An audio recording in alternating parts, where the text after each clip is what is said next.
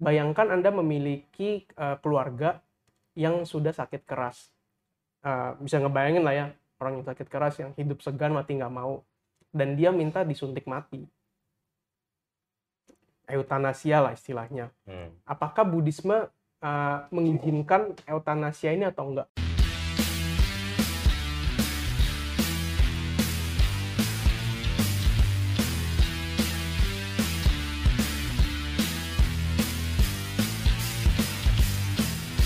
Matahari menyinari semua perasaan cinta. Tapi mengapa hanya aku yang dimarahi? Di musim panas merupakan tempat bermain gembira Gajah terkena flu. Bila tiada henti-hentinya Sang beruang tidur Dan tak ada yang berani ganggu dia. Oh sibuknya Aku sibuk sekali. Yeah. Eric Fernando Akhirnya hari ini gua kedatangan satu bintang tamu Dama Duta Muda, motivator muda Erik Fernando. Nah, udah kayak apa pembawa acara bola ya. Erik Fernando dari Thank you, thank you Kobi. Oke. Okay. Sebutannya. Bro, lu lama nggak ngumpul nih, Bro. Sibuk apa sekarang? Ah, oke. Okay. Uh, eh, gua saat ini uh, sebagai penyuluh agama di okay. Kementerian Agama Republik Indonesia. Selain itu saat ini gue juga kerja di salah satu perusahaan industri manufaktur dan gue juga sekarang lagi nempuh S2 sih, lagi master juga di UI. Lagi master? Iya. Hmm, gitu. Tadi lu bilang lu lagi kuliah master, lu lagi kerja, lu lagi aktif di organisasi, aktivitas lu banyak banget. Yes, benar-benar. Nah, lu gimana lu bisa mengatur waktu lu dengan aktivitas yang begitu banyak? Kalau gua punya prinsip lebih baik kita capek bekerja daripada kita capek nganggur. Artinya ya, ada satu hal yang kita nggak pernah bisa beli hmm. atau putar kembali ya, itu waktu. Hmm. Makanya kita uh, sebisa mungkin lah dengan mas mumpung masih muda kita punya waktu sebanyak mungkin kita maksimalin. Hmm. gitu sih. Hmm, jadi lu mau memanfaatkan waktu lu ini semaksimal mungkin lu habiskan waktu lu untuk hal yang produktif. Produktif ya. Ah. oke jadi lu uh, produktif man. Iya oh manusia produktif. Hmm. uh, ceritain dong. Lu lu kan lulusan sampai saat ini ya gelar lu ya walaupun lu sekarang lagi master tapi lu lulusan dari? Gua kuliah S1 di UI jurusan ilmu politik. Ilmu politik, FISIP UI? Yes, ilmu politik FISIP UI. Lu Buddhis? Gua Buddhis. Lu ngambil jurusan FISIP? Yes. Lu berarti pelajar politik? Bener, gua belajar politik. Jarang bro, orang Chinese yang cabi kayak lu, Buddhis, uh -uh. unyu-unyu mukanya ngambil jurusannya yang sangar, politik. Hmm ada panggilan jiwa apa bro lu ngambil fisip? Kalau boleh cerita sih jadi waktu gua kecil nih kok, hmm. gua sekitar SD kelas 2 atau kelas 3 mungkin ya. Gua itu hobi baca majalah Donald Bebek. Jadi hmm. dulu majalah Donald Bebek tuh terbit tiap uh, minggu ya. Itu tiap minggu gua pasti ke tukang koran dan tukang majalah tuh gue beli. Abis itu sekitar mungkin dua tahun gue baca majalah Donald Bebek terus gue seneng baca koran bola. Kan ada dulu ada tabloid bola ya tabloid hmm. bola dan soccer yang terbit tiap Kamis terus keluar posternya tuh. Jadi dulu gue koleksi poster-poster klub bola itu banyak banget. Nah dari situ gue mungkin sekitar kelas 5-6 SD ya gue seneng baca koran. Nah di koran itu kan uh, beritanya beragam ya. Mulai dari berita bola dan ada hmm. berita yang lain-lain termasuk berita-berita politik. Tapi berita Donald Bebek kan nggak ada di koran tuh ya? Iya. Jadi uh, budaya baca yang udah dibangun dari SD itu keterusan. sampai gue sekitar ya mungkin kelas 5-6 SD tuh gue udah seneng baca berita-berita politik Ah. nah itu yang kemudian uh, mendorong gue mungkin gue ada seneng nih karena gue seneng baca berita-berita politik maka gue ketika uh, dari SMA kelas 3 gue milih untuk ikut seleksi ilmu politik di UI Tapi agak menarik ya, lucu ya. Jadi historinya bagaimana lu ke politik, langkah paling pertamanya itu historinya itu dari Donald Bebek ya. dari membaca yes Ya, dari tapi tapi lu baca Bebek. Donald Bebek waktu itu kan? iya gue koleksi majalah Donald Bebek Dari Donald Bebek lu ke majalah soccer, Iya. bola, setelah lu ba- baca koran, jadi berkembang terus nih. Ada, Iya. ada peningkatan dari Bener-bener. kegemaran lu membaca eh, cerita sampai ke politik sekarang lu kuliah gitu. yes Jadi menarik ya. Eh, jadi kadang eh, hidup kita sekarang itu nggak ketebak juga ya dari mana asalnya gitu kan. bener bener banget Nah. bener banget Eh, jadi itu panggilan hati lo, kenapa lo ambil fisip? Karena lo gemar membaca aja atau karena lo merasa apa gitu loh? ketika gua membaca khususnya berita-berita politik Hmm. kemudian berita-berita tentang pemerintahan gue melihat bahwa negara ini Indonesia ini perlu dikelola oleh orang-orang baik Hmm. perlu dikelola oleh orang-orang yang kompeten Mhm. jadi kita tuh orang-orang yang baik orang-orang yang kompeten harus berani harus berani tampil dan berani turun Hmm. untuk ikut mengelola negara ini Hmm. Oleh karena itu menurut gua uh, mungkin kuliah di jurusan ilmu politik itu salah satu the way lah di jalannya gitu Hmm. untuk kita bisa jadi jembatan mungkin suatu hari nanti kita bisa uh, terjun di pemerintahan juga Oh. Jadi lu bilang tadi bahwa ambil jurusan di FISIP ini adalah salah satu jalan lu, kendaraan lu untuk bisa mengabdikan diri lu eh, di pemerintahan. yes yes Jadi lu punya udah udah punya visi misi nih bahwa lu nanti harus terjun ke dalam nggak hanya sebagai pengamat tapi lu akan terjun ke dalam sistem. Hmm, yes Wow. ya kalau Kan nggak gua- banyak nih orang yang mau masuk ke dalam sistem begitu kan? Mm-mm. Kalau sekarang sih eh, terus terang gue juga nggak bisa berani bilang pasti gue akan terjun ke dalam sistem atau enggak. Tetapi paling enggak kita kan bisa berkontribusi atau memberikan pengabdian dari berbagai sisi ya. Ya. Nggak Mungkin cuman ada yang di dalam ya. sistem atau di luar sistem sebagai konsultan dan lain sebagainya. Hmm. Ataupun kita di sektor swasta pun juga bisa uh, berkarya dan berkontribusi. Hmm. Nah, betul nih. Jadi lu kerja, walaupun kita kerja di karir profesional di swasta, tapi nggak nggak menutup kemungkinan kita juga bisa apa namanya ber- memberikan sumbangsi juga ya. Betul, karena dengan kita kerja di swasta, kita kerja yang baik, perusahaan kita bertumbuh, itu kan mendorong pertumbuhan ekonomi juga. Hmm. Gitu. Hmm, nah, eh, apa namanya?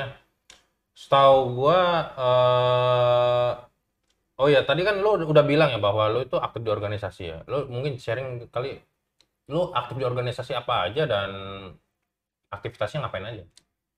Organisasi yang banyak memberikan kontribusi ya bagi gua itu salah satunya Hikmah Budi. Hikmah Budi ini himpunan mahasiswa Buddhis Indonesia. Itu salah satu organisasi ekstra kampus yang basisnya keagamaan, eh, khususnya Buddhism. Hmm. Itu salah satu organisasi yang banyak memberikan pengaruh sih ke gua. Pengaruh apa yang lo yang diberikan oleh Hikmah Budi ke lo?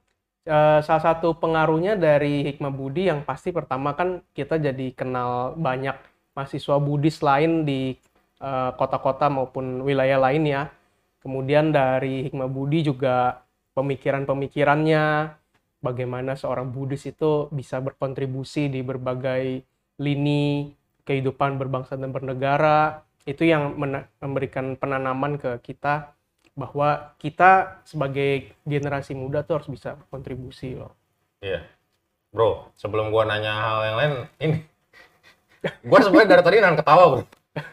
Maksudnya, jawaban lu baku banget. Iya. Hmm. Nah, gua mau nanya juga nih ke diri lu nih. Sebetulnya kan acara gua nih acara santai nih, bro. Ngomong gua lu, walaupun Ah. memang backgroundnya Buddhis, tapi eh, kemasannya harus santai, yang kekinian. Iya. Dan lu menjawab seolah-olah lu lagi lagi apa namanya lagi debat presiden nih di di layar televisi gitu. Ini emang emang udah karakter lu yang sedang lagi yang yang sudah terbangun atau memang lu karena di depan kamera aja gitu atau gimana? Mungkin karena kebiasaan ya. Kebiasaan. Ah, ah. jadi kalau boleh cerita sih memang gua ah, mungkin karena sering baca membaca koran kan bahasanya baku semua ya. Hmm. Nah, jadi dari membaca itu yang kemudian ah, membuat kita juga menggunakan kata-kata yang baku dan lain sebagainya. Sampai apa namanya? Makanya lu kuliah fisik juga itu kan kata-katanya hukum semua kan. Benar benar benar. Jadi baku banget ya. Kata-katanya baku banget. Hmm, oke oke oke. Tapi nggak apa-apa ya, lu dengan gaya baku lu, gue dengan gaya gaya gue yang ah, mungkin selengen, bukan berarti gue merendahkan lu ya. Iya iya. ya, benar. memang style kita berbeda-beda gitu. Benar benar. Nah, eh tadi lu bilang lu dapat pengaruh positif di HB gitu kan. Nah, eh, aktivitas lu apa sih gitu loh di HB? Kalau di Hikmah Budi itu gue pertama kali kenal Hikmah Budi dari temen seangkatan gue di UI namanya Budi. Nah dia dia tuh memperkenalkan Hikmah Budi ke gue waktu itu dia lagi bentuk cabang Hikmah Budi di Jakarta Timur. Body Prasna. Yes si Budi Pratsna. Dia lebih dulu aktif lah di Hikmah Budi. Kemudian eh, sekitar tahun 2015 gue juga ikutan di Hikmah Budi dari cabang Jakarta Timur. Habis itu sekarang di tahun 2018 ya, gue masuk di kepengurusan pusat. Hmm. Lu jadi pengurus di situ. Yes, sekarang jadi eh, pengurus eh, bidang humas di PP Hikmah Budi. di bidang humas. Ya, eh apa namanya? Selain di Hikmah Budi, lu juga tadi ada aktif di organisasi lain juga ya? ya gue ada aktif juga di organisasi-organisasi lain seperti di organisasi Tionghoa. Kemudian ada eh, macem-macem sih untuk organisasi yang gue Hmm. ikutin. Hmm. Selain itu, nah yang gua tahu nih lu itu jadi apa namanya? eh penyuluh agama ya? Yes, Lu sekarang umur berapa?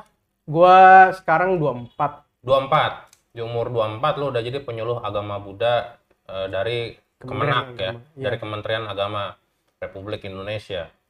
Lu umur 24, Bro. Biasanya anak umur 24 itu eh, orang-orang umur 24 ya, biasanya tuh kerjanya itu apa ya? Selain kerja ya nongkrongnya di bar, minum atau entahlah traveling atau apa. Tapi lu memilih menjadi penyuluh agama Buddha gitu loh. Yang which is sebetulnya gue yakin lingkungan teman lu juga kan banyak tuh yang suka ke bar, nongkrong gitu kan. Dan di di usia lu yang sekarang 24 eh pertanyaan gue gimana ya? Eh bagaimana sih lu bisa menyesuaikan diri lu gitu loh? Padahal kan di usia 24 ini masa bisa dibilang masa-masanya lu menikmati masa muda lu gitu kan. Lu mau have fun segala macem, tapi lu malah memilih jalur sulit gitu loh. Udah kayak bodhisattva aja nih ya. Gimana, Bro? gue sih eh, percaya dan meyakini bahwa masa depan kita atau hidup kita sekarang itu ditentukan dari buku apa yang kita baca dan dengan siapa kita bergaul Hmm, lima tahun yang lalu. hmm, Kalau boleh cerita, eh, ketika gue masuk di UI itu, itu kali pertamanya sebenarnya gue mempelajari tentang eh, Buddhisme. Jadi gue dulu dari kecil sekolah di sekolah yang non Buddhis, gue mempelajari agama lain, dan baru di kampus itu, di jadi di UI itu kita diwajibkan ketika penerimaan maba ya, untuk milih kita mau ikut di ag- keaga- organisasi keagamaan apa. Ada yang Islam, kemudian ada yang Kristen Protestan, ada yang Katolik, ada yang Hindu, ada yang Buddhis. hmm. Nah, pada saat itu gue milih untuk ikut agama yang sesuai KTP gue, itu agama Buddha. Walaupun gue nggak pernah tahu atau mempelajari konsep-konsep tentang Buddhisme sebelumnya. Nah, dari situ eh, kita aktif di organisasi keagamaan, kita ikut, dan dari situ mendorong gue untuk kemudian seperti ada panggilan lah bahwa kita anak muda ini bisa ikut berkontribusi bagi agama kita, bagi masyarakat. Karena sebaik-baiknya manusia kan yang paling bermanfaat itu orang yang bisa memberikan kebaikan bagi orang lain. dalam ya. Wow. Nah, nah eh, apa namanya? Tapi eh, gini bro, maksud gua lu bilang bahwa lu ada panggilan nih dari kecil bahwa lu memang arahnya ke sana nih ke arah eh, duta agama lah begitu kan. Hmm, hmm. tapi kan lu tetap manusia bro. Lu manusia fana gitu kan. Manusia biasa yang belum mencapai tingkat arahat kan. Iya, iya. nah belum sempurna lah ya. iya belum sempurna gitu loh. Maksud gua lu di usia 24 pasti kan ada dong jiwa-jiwa muda lu kadang bergejolak begitu kan. Sometimes lu kan ingin nongkrong sama temen lu gitu kan hangout mungkin ke bar segala macem nah lu coba lu pernah ke bar nggak Iya. Kalau ke bar ya, ya nongkrong gitulah misalnya di Pik di Senop atau di Gunawarman di Kemang atau di mana lah gitu nongkrong-nongkrong ya pernah. hmm. Mm-mm. Tapi tapi kan lu sebagai damaduta nih. Nah, itu kan tapi kalau lu nongkrong di situ kan minumannya mayoritas alkohol kan. Nah, lu bagaimana bisa memposisikan diri lu di situ? Yang pertama sih kita sebagai manusia kan kita itu makhluk sosial ya. Hmm. Kita nggak bisa uh, hidup sendirian. Hmm. Nah, lu setuju nggak di konsep ini? Setuju, setuju. Manusia itu makhluk sosial dan yang penting adalah gimana kita bisa cepat-cepat beradaptasi uh, dengan lingkungan kita, dengan teman-teman kita, dengan komunitas tempat kita berinteraksi dan walaupun kita lagi nongkrong, lagi berkomunitas, tetap ada uh, prinsip-prinsip atau nilai-nilai hidup yang kita tetap bisa pegang. Hmm. Contohnya kayak kalau kita lagi mungkin ikut teman atau nongkrong sama teman-teman, mungkin yang lain pesen bir kan kita bisa pesen minuman yang lain juga, kan tersedia kan. Hmm. Nah, itulah eh, gimana kita tetap sebagai manusia menjadi makhluk sosial, tapi ada nilai-nilai diri yang tetap kita jaga. Lu tetap berprinsip. Iya, nilai-nilai Ah. prinsip yang tetap kita pegang. Nah, jadi sebetulnya pertanyaan gue ini berasal dari misalnya begini. Mhm. Kan zaman sekarang kan lagi booming selebgram, Bro. Iya. lagi booming selebgram, banyak cewek-cewek, ya cakep lah begitu kan, yang mamerin eh, mukanya, bodinya lah segala macam atau kehidupannya yang mewah begitu kan. Mhm. Nah, tapi ada juga yang budis gitu loh. Ini Iya, kan iya. pasti ada yang budis selebgram. Selebgram itu pasti ada yang budis, cewek cakep. Di segmen apa pun pasti ada yang Budi. Nah, Iya. ya betul. Di segmen awal pasti ada yang budis. Salah satunya segmen itu misalnya. Nah, eh, apa namanya? Nah, gue juga pengen sebenarnya penasaran sih bagaimana mereka bisa memposisikan diri gitu loh. Satu sisi mereka mungkin juga mungkin ada yang aktif juga seperti lo kan di organisasi atau bagaimana atau sebagai damaduta atau Mhm. sebagai eh, apa namanya sukarelawan begitu kan. Tapi di satu sisi dia juga dituntut dari sisi eh, aktivitasnya di sosial media begitu kan. Nah, kalau lu kaitannya mungkin eh, di mungkin sosial media juga atau di lingkungan pertemanan lu. Yes. Nah, ini bagaimana memposisikan diri gitu sebagai seorang Buddhis? Apakah kita harus kaku strict begitu atau kita bisa fleksibel seperti lu tapi tetap memegang prinsip gitu? Kalau gua selalu menjadikan Buddhisme itu uh, way of life. Hmm. Artinya Buddhisme ini bukan sesuatu yang sifatnya given. Karena menjadi seorang Buddhis itu nggak gampang loh. Hmm. Buddhisme itu sesuatu yang we have to seek about it. Kita harus cari sesuatu dalam Buddhisme dan ketika kita bisa mendapatkannya, kita bisa menjadikan itu pedoman hidup kita.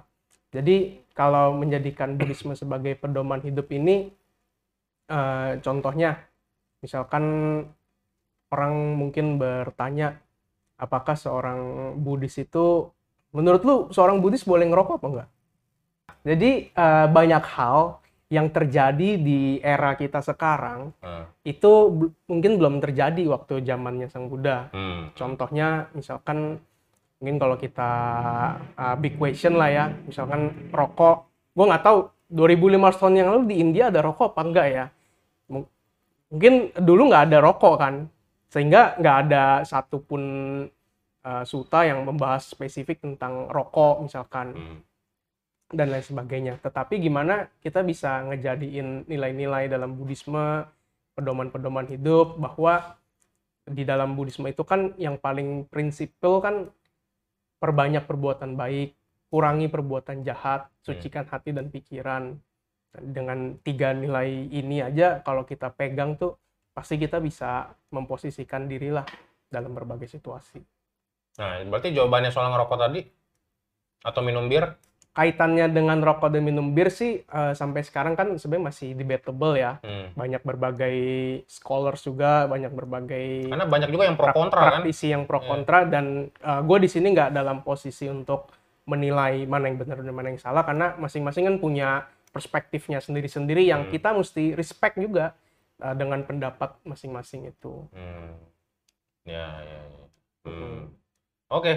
uh, kemudian Lu sekarang kerja di swasta? Yes. Lu kerja di perusahaan apa, bro? Uh, gua kerja di industri manufaktur, jadi hmm. kita salah satu produsen dan penghasil ekspor juga untuk produk-produk uh, kayu dan turunannya. Hmm. Uh, lu di sana di posisi apa? Uh, gua saat ini handle di bagian government relation Government relation, jadi berkaitan banget ya dengan pengalaman yang lu dapat dari organisasi ini. Yes. Uh.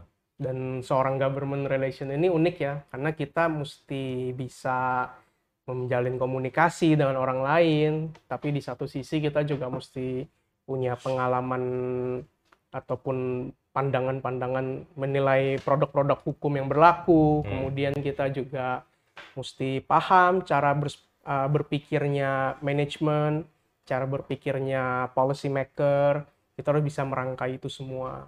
Lo di tengah-tengah di antara manajemen perusahaan lo dengan pemerintah si pembuat kebijakan gitu yes, gitu kan. Benar. Hmm.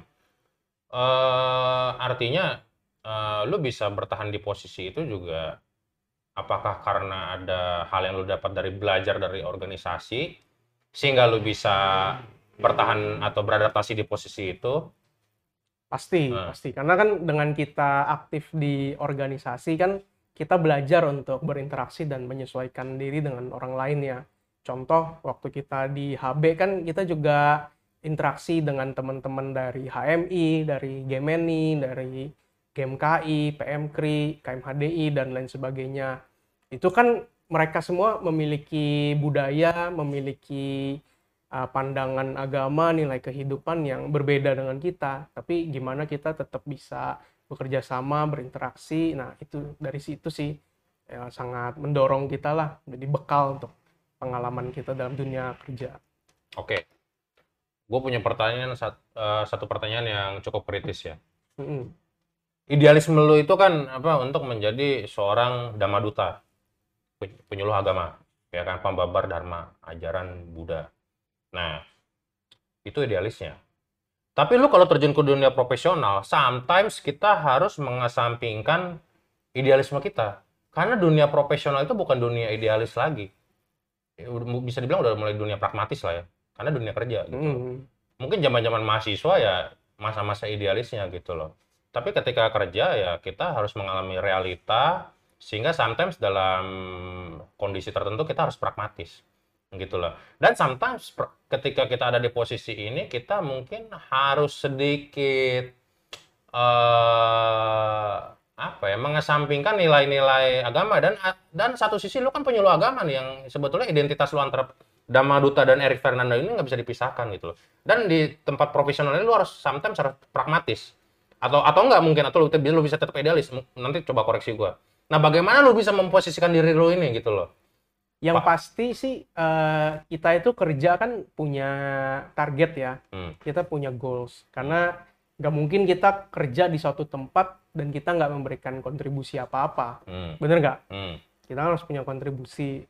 Nah, as long as kita achieve uh, target itu, kita bisa kasih kontribusi, kita tetap bisa memberikan hal baik bagi perusahaan, target-target tercapai, menurut gue sih itu yang paling penting yang harus kita golkan terlebih dahulu. Walaupun sometimes kita harus uh, mungkin mengesampaikan idealisme kita yang di tempat lain mungkin sebagai penyuluh agama Buddha. Yang paling penting itu kita tetap bisa uh, mengkondisikan diri ya, menyesuaikan diri, beradaptasi, uh, dan selama nggak bertentangan dengan nilai-nilai prinsipil yang ada di dalam diri kita, itu kita let go aja kita hmm. jalankan terus. Berarti kalau dalam suasana ini karena karena juga banyak kan pasti teman-teman kita yang nonton ini mereka juga ada di posisi ini kan mereka kerja tapi kadang mengalami hal yang berseberangan dengan nilai-nilai prinsip atau nilai-nilai ajaran agama. Uh, uh, apa namanya bagaimana gitu kan saran dari lu dan lu sendiri kan mengalami itu uh, tapi apakah seideal itu kah dunia pekerjaan profesional sehingga kita bisa tetap berprinsip selama kita tetap bisa menyesuaikan diri ya mm-hmm. seperti yang tadi gue bilang juga bahwa kita ini manusia kan makhluk sosial mm. kita tetap harus bisa menyesuaikan diri tapi di satu sisi kita punya nilai-nilai kehidupan yang juga harus kita jaga. Jadi bagaimana bisa menyeimbangkan hal itu secara seiring sejalan lah, biar target-target kita di perusahaan juga tetap bisa achieve dan tercapai. Target tercapai tanpa menodai prinsip hidup kita.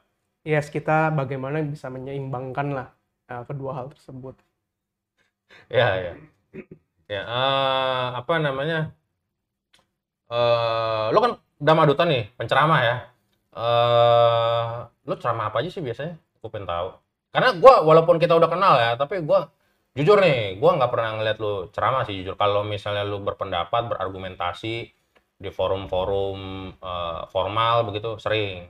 Kan kita hmm. udah kenal lama. Tapi kalau kegiatan lo yang sebagai dama duta muda ini, itu gue belum pernah sih. Nah, gue pengen tahu juga nih, lu lu biasa ceramah apa sih gitu? Kalau ceramah sih yang pasti uh, pertama itu gue selalu lihat dan pelajarin audiens gue siapa? Hmm. yang denger ceramah gue itu nanti siapa? Atau gue sebenarnya lebih seneng istilahnya sharing lah ya. Karena berbagi dan kadang-kadang kita lagi sharing juga kita yang belajar justru apa, dari yang yang lo sharing apa bro? Yang gue sharing misalkan uh, eh, gue sharing tentang eh, pandangan-pandangan uh, Buddhis tentang satu hal terus bagaimana uh, Buddhisme ini sebenarnya kalau kita pelajarin di dalam itu banyak hal-hal yang di dunia ini mungkin belum terungkap karena kita belum um, membuktikannya lebih dalam, kita belum mengehipasikokan. Jadi uh, ya tentang hal-hal tersebut lah bagaimana kita bisa mendalami uh, terkait Buddhisme dan prakteknya dalam kehidupan sehari-hari seperti apa. Hmm uh, apa namanya, banyak nggak Dhamma Duta muda seperti lo di Indonesia? Kalau Dhamma Duta yang muda sih, uh, menurut gue sekarang udah mulai banyak bermunculan ya, dan ini sinyal positif juga. Artinya udah lebih banyak lagi generasi muda yang bisa berbagi dan uh, sharing ke teman-teman muda. Karena waktu gue terima SK dari Kementerian Agama itu gue inget banget uh, pesannya bahwa kita itu Erik sebagai kaum muda harus bisa memberikan nilai-nilai mengajarkan uh, kepada generasi muda juga kepada teman-teman muda uh, nilai-nilai kerukunan beragama nilai-nilai pengalam pengamalan agama dalam kehidupan sehari-hari. Hmm. Jadi udah mulai tumbuh nih ya atau sebelum lu sudah banyak gitu yang muda-muda? Mungkin sebelum gue juga udah banyak. Udah cuman banyak. Uh, gimana cara kita tahu aja sih mungkin ya. Mungkin banyak yang sebenarnya udah banyak sharing tapi nggak kedengeran. Nah, oke okay, oke. Okay. Nah, lu kan sama Duta nih. Gue gua sebetulnya ada mau bertanya satu hal yang ini. Sebenarnya nyambung ke yang tadi sih, yang tadi lu tanya. Lu kan tanya ke gue tadi, lu merokok boleh nggak sih gitu. Nah, ini gue juga ada pertanyaan yang sedikit apa ya namanya uh, menggelitik tapi uh, mungkin lu bisa jawab nih sebagai lu kan dharma duta nih sudut pandang lu seperti apa kayak misalnya begini kita Buddhis nih ya kan yes sila pertama kita apa dilarang membunuh ya menghindari atau berusaha untuk tidak melakukan pembunuhan ya, makhluk hidup ya kan hmm. nah misalnya begini amit amit ya lu punya istri diculik, ada perampok masuk ke rumah lu. Amit-amit nih ya, mau nggak mau ini contoh aja. Ini lebih ke studi kasus lah ya. Ya, studi kasus diskusi. nih. Misal, karena kan Buddha itu agama agama praktek ya, kita konkret aja lah langsung. Hmm. Misalnya lu punya istri, istri terus ada ada ada perampok masuk ke rumah lu, kemudian dibekap mau diperkosa, begitu kan? Sebagai suami, apa yang lu lakukan? Nah, ini pertanyaannya menarik banget hmm. bahwa seperti yang gue bilang bahwa kita itu harus menjadikan Buddhisme ini pedoman kehidupan way of life kita hmm. dan kita di satu sisi juga harus bisa tetap menyeimbangkan diri kita dengan uh, interaksi sosial kita hmm. bahwa kalau situasinya kayak gitu, gua rasa sih semua orang juga tahu lah ya apa yang harus dia lakukan. Apa? Karena kan kalau dia membiarkan istrinya mungkin dibiarin sama perampok, nanti istrinya yang mati kan secara nggak langsung dia juga membiarkan pembunuhan terhadap istrinya kan. Hmm. Atau mungkin di sisi yang lain eh, kita bisa melakukan hal yang sifatnya lebih preventif. Misalkan di rumah kita kita pasang pengaman yang lebih banyak, kita lakukan tindakan-tindakan pencegahan yang lebih efektif, yang lebih Pinter bro lo di- Ah, ngejawabnya banyak. diplomatisnya. Oke, terus? jadi gitu. Nah mungkin uh, Enggak, gue jadi ma- keinget Tapi maksud gue begini bro. Ah, ah, Oke ada CCTV, oke ada laser apa yang bisa motong tubuh Mm, pencuri. mm, mm. Tapi kalau pencuri itu lolos dan dia bisa masuk ke rumah kita dan istri kita mau dibekap, mau dibunuh, mau dia mau dia mengancam ya. uh, keluarga dekat Lu, lu kita sebagai lah. suami apa? Kalau gua sebagai suami ya gua lindungi istri gua, gua pukul tuh Mm, mm, tuh mm. perampok kan gitu loh. Lu gimana? Maksudnya kon- konkretnya bagaimana kita sebagai orang Buddhis? Kan pasti kita satu, sisi kita memang beragama Buddha, tapi satu sisi kita, kita juga sebagai suami kan gitu. Mm, mm, mm. Gimana? Yang pasti kita harus melindungi diri kita dan keluarga kita dulu lah ya. Itu yang paling utama. Nah, Dengan mempertahankan prinsip-prinsip uh, nilai Buddhisme dalam diri kita. Gitu. hmm. Nah, Karena termasuk kalau dalam konteks uh, Panatipata, gue jadi inget uh, ajaran dari dosen gue di UI. Kebetulan uh, dosen agama Buddha di UI itu salah satu namanya nama dosen gue Pak Arya Chandra. Oh. Dia salah satu pendiri Hikmah Budi juga ternyata. ya ya. Nah dia beliau itu pernah kasih kita soal ujian seperti ini. Hmm. Bayangkan anda atau dia bertanya lah, gue lupa waktu itu ujian apa enggak. Tapi dia kasih kita diskusi. Bayangkan anda memiliki uh, keluarga yang sudah sakit keras. Uh, bisa ngebayangin lah ya orang yang sakit keras yang hidup segan mati nggak mau dan dia minta disuntik mati. Eutanasia lah istilahnya Hmm. apakah Buddhisme uh, mengizinkan eutanasia ini atau enggak? Lu bayangin tuh soal ujian dari Pak Arya. Ya Jadi juga kita ya. dari uh, kuliah aja udah diberikan soal yang Ya, cukup progresif juga pemikirannya. bukan cukup lagi itu udah bener-bener progresif dan bikin kita muter otak kan. Iya, iya. Kita mesti cari dari perspektif suta ini, suta itu, Hmm. kita harus bisa merangkainya Hmm. dan mengaitkannya dalam konteks kehidupan sehari-hari. Hmm. Apa yang akan terjadi dalam diri kita. Lu jawab apa waktu itu? gue nggak terlalu inget ya gue jawab apa tapi yang pasti dari pengajaran Pak Arya itu yang memberikan gue pedoman bahwa Buddhisme ini way of life Buddhisme itu pedoman kehidupan dan kita harus bisa menyesuaikannya dalam uh, kehidupan kita sehari-hari dalam Hmm. interaksi kita kepada siapa pun Hmm. gitu. Sama juga ada pertanyaan kritis begini, mungkin teman-teman yang nonton bisa coba mungkin cari Hmm. jawaban, berpikir juga. Eh, kalau misalnya nelayan nih, ini ini kalau di gua dulu di Hikmah Budi banyak juga nih diskusi kayak gini kan yang studi kasus kayak begini. Misalnya nelayan nih, dia skillnya memang hanya nelayan, hanya bisa melaut begitu kan. Eh, dia harus meng- harus menghidupi keluarganya karena dia kepala keluarga, punya tanggung jawab itu untuk menghidupi istri dan anaknya tapi dengan cara dia harus membunuh ikan begitu loh dia harus memancing setiap hari dan lain sebagainya nah ini kan hal seperti ini tentunya harus bisa dijawab oleh oleh Buddhisme kan begitu Mhm. loh nah eh, tapi gue penasaran juga ya lu bagaimana menjawab itu? Kalau dalam konteks nelayan ya, ya kita kan mesti lihat sesuatu secara menyeluruh. holistik ya? Ah, Sebenarnya secara eh, suta mungkin ataupun menurut pandangan-pandangan para ahli udah ketahuan jawabannya apa. apa? Tapi balik lagi gimana kita sebagai umat Buddha bisa menyesuaikan diri dalam konteks kehidupan? Karena kan di balik dia melakukan itu ada kepentingan yang lebih besar Hmm, ada kebermanfaatan yang lebih besar lagi untuk yang ingin dia hadirkan untuk tanggung jawab dia terhadap keluarganya, tanggung jawab dia terhadap uh, memberikan nafkah yang cukup dan lain sebagainya. hmm. Jadi memang uh, banyak hal dilematis ya dalam sebetulnya berbagai hal yang kita mesti pinter-pinter lah kita menyesuaikan diri. Iya. Ya, karena kan eh, kadang kalau hal suatu yang ekstrim kanan atau ekstrim kiri kita gampang gitu loh Mm-mm. mau mau menjudge oh ini benar ini salah Tapi sometimes kalau yang hal tersebut itu ber- beririsan ada di tengah-tengah gitu ya. Sifatnya kan dilematis ya. Iya. Gitu. Kita nah Buddhisme ini kan harus bisa menjawab ini juga gitu loh. Benar. Makanya kan eh, nilai dasar ataupun eh, Buddhisme sendiri kan sebenarnya prinsip utamanya jalan tengah kan. Hmm.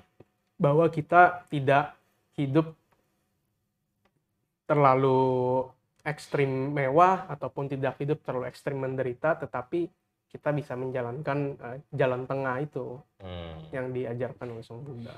Hmm, menarik ya. Jadi pembahasan kita ya sebetulnya lumayan berat juga ya. Jadi bahas dharma, Bro. Heeh. Nah, tapi eh, apa namanya? Keluar dari itu, Bro. Gue pengen tahu juga eh, lu udah maduta nih, tapi lu sebetulnya tetap eh, apa namanya? laki- laki-laki apa laki-laki biasa pada umumnya kan gitu. Iya Iya. nggak? Atau atau lu Ya gua atau lu mungkin secara nanti mau jadi biksu gitu mungkin ah, kalau kalau nggak jadi di pemerintah gitu kan atau lu mu- mungkin nanti mau mengabdi jadi biksu atau gimana saat ini gue belum bisa jawab. Oh. itu aja Tapi sebagai jenis kelamin ya laki-laki. Dan secara gender juga laki-laki. maksud gua adalah eh, gimana ya? Ya itu tadi sih maksudnya pergaulan dan lain sebagainya dan eh, apa ya? Ya gue penasaran sih bagaimana lu sebenarnya gue penasaran aja gitu bagaimana lu tetap menjaga prinsip lu? Karena identitas lu yang Dhamma Duta ini udah lek- melekat banget di diri lu gitu kan tapi lu lu sendiri juga manusia biasa gitu kan yang masih anak muda pengen bergaul gitu kan Hmm. gitu Ya itu sih gimana kita pintar-pintar berinteraksi. Karena Dan- jawaban lu- jawaban lu tadi kan apa ya dan jangan kita uh, melihat ataupun mengkondisikan bahwa hal yang keren itu yang menurut orang lain keren. Eh, Mungkin kayak kadang kan orang mikir, oh kalau jadi cowok mau keren ya mesti minum-minum atau iya. mesti ya hal-hal yang nakal Betul. lah dan lain sebagainya. betul, itu betul. baru dianggap oh ini cowok yang keren. Ah, ah. Menurut gua nggak gitu bahwa Hmm. apa yang menurut lu nyaman, apa yang menurut lu lu enjoy untuk lakukan, itu hal yang keren. Dengan kita bisa memberikan contoh. eh, dulu ada yang pernah nanya ke gua, "Eh, Rick, kenapa sih lu suka ngajak emak lu jalan-jalan? Karena gua mungkin hampir tiap, dulu gua tiap minggu itu paling nggak adalah seminggu sekali nganterin emak gua ke pasar, Hmm. dan kalau emak gue mau ke mall, gue nggak pernah bilang enggak. Selalu gue, oke, Erik akan anterin. Kenapa? Karena buat gue itu hal yang keren menurut gue, Hmm. bahwa membahagiakan orang tua, memberikan kenyamanan bagi mama gue, nganterin dia ke pasar. Sampai gue pernah waktu, karena gue udah nganterin mak gue ke pasar dari eh, mungkin 10 tahun lalu ya, itu pernah satu hari mak gue nggak ikut pasar. Terus pedagang pasar nanya, kok Erik ke pasar sendirian? Ya, Tapi ya. mereka semua waktu emak gua datang tuh ke pasar, mereka pada bilang, itu si Erik rajin amat ya, nganterin kamu ke pasar terus ya. Hmm, Nah, ya. Dari dari situ kan kita bisa menilai bahwa apa yang dianggap keren oleh banyak orang tuh beda-beda loh.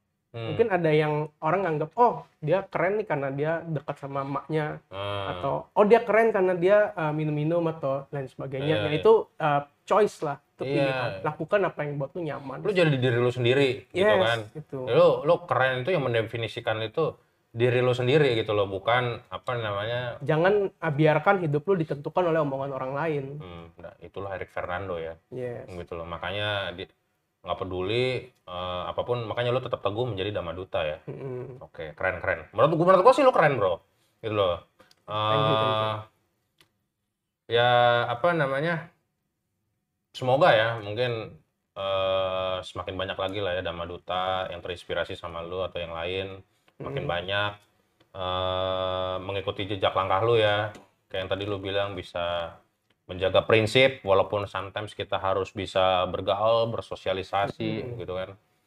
Eh, ada closing statement mungkin sudut pandang Eric Fernando mungkin terhadap komunitas Buddhis terhadap negara atau mungkin terhadap eh, generasi zaman now atau apa Kalau buat gua sih yang paling utama itu ya kita sebagai anak muda kita ini masa-masanya uh, berbuat salah.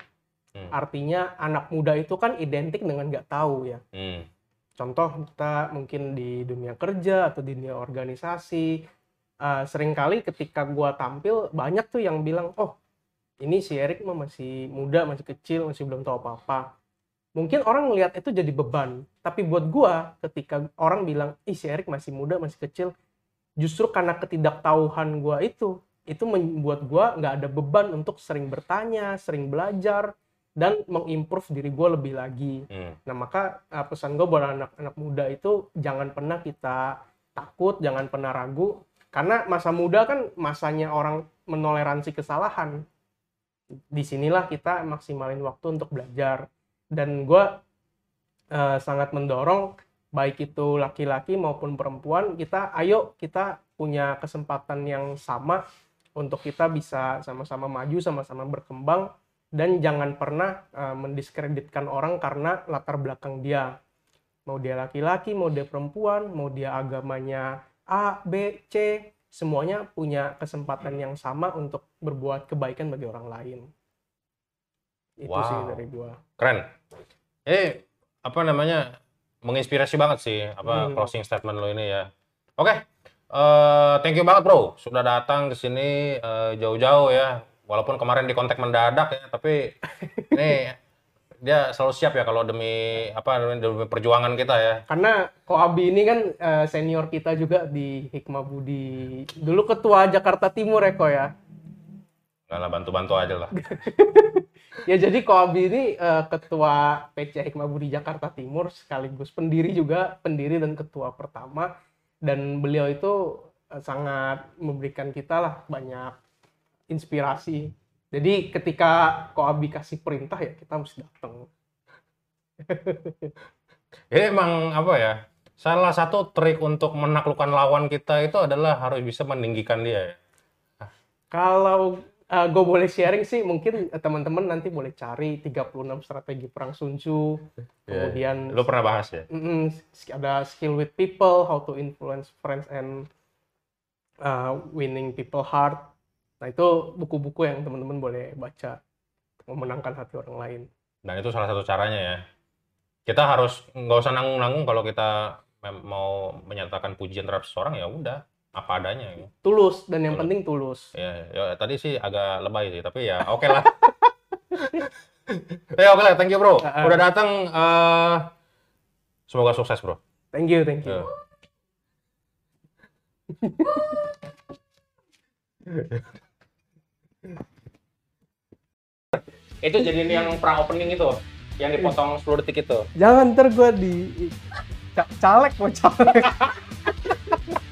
Ntar lawan politik gue buka video lama kan repot. Lobang apa? Lobang pencoblosan pemilihan Erik Fernando. Iya. Jangan terlalu dalam. Dan takutnya nggak nggak dihitung nggak sah. Masih iya. dalam-dalam. Kalau terlalu dalam ntar kena paha bro. Iya. berdarah ntar nggak boleh. Itu dong. Siap. Harus habis ini apa?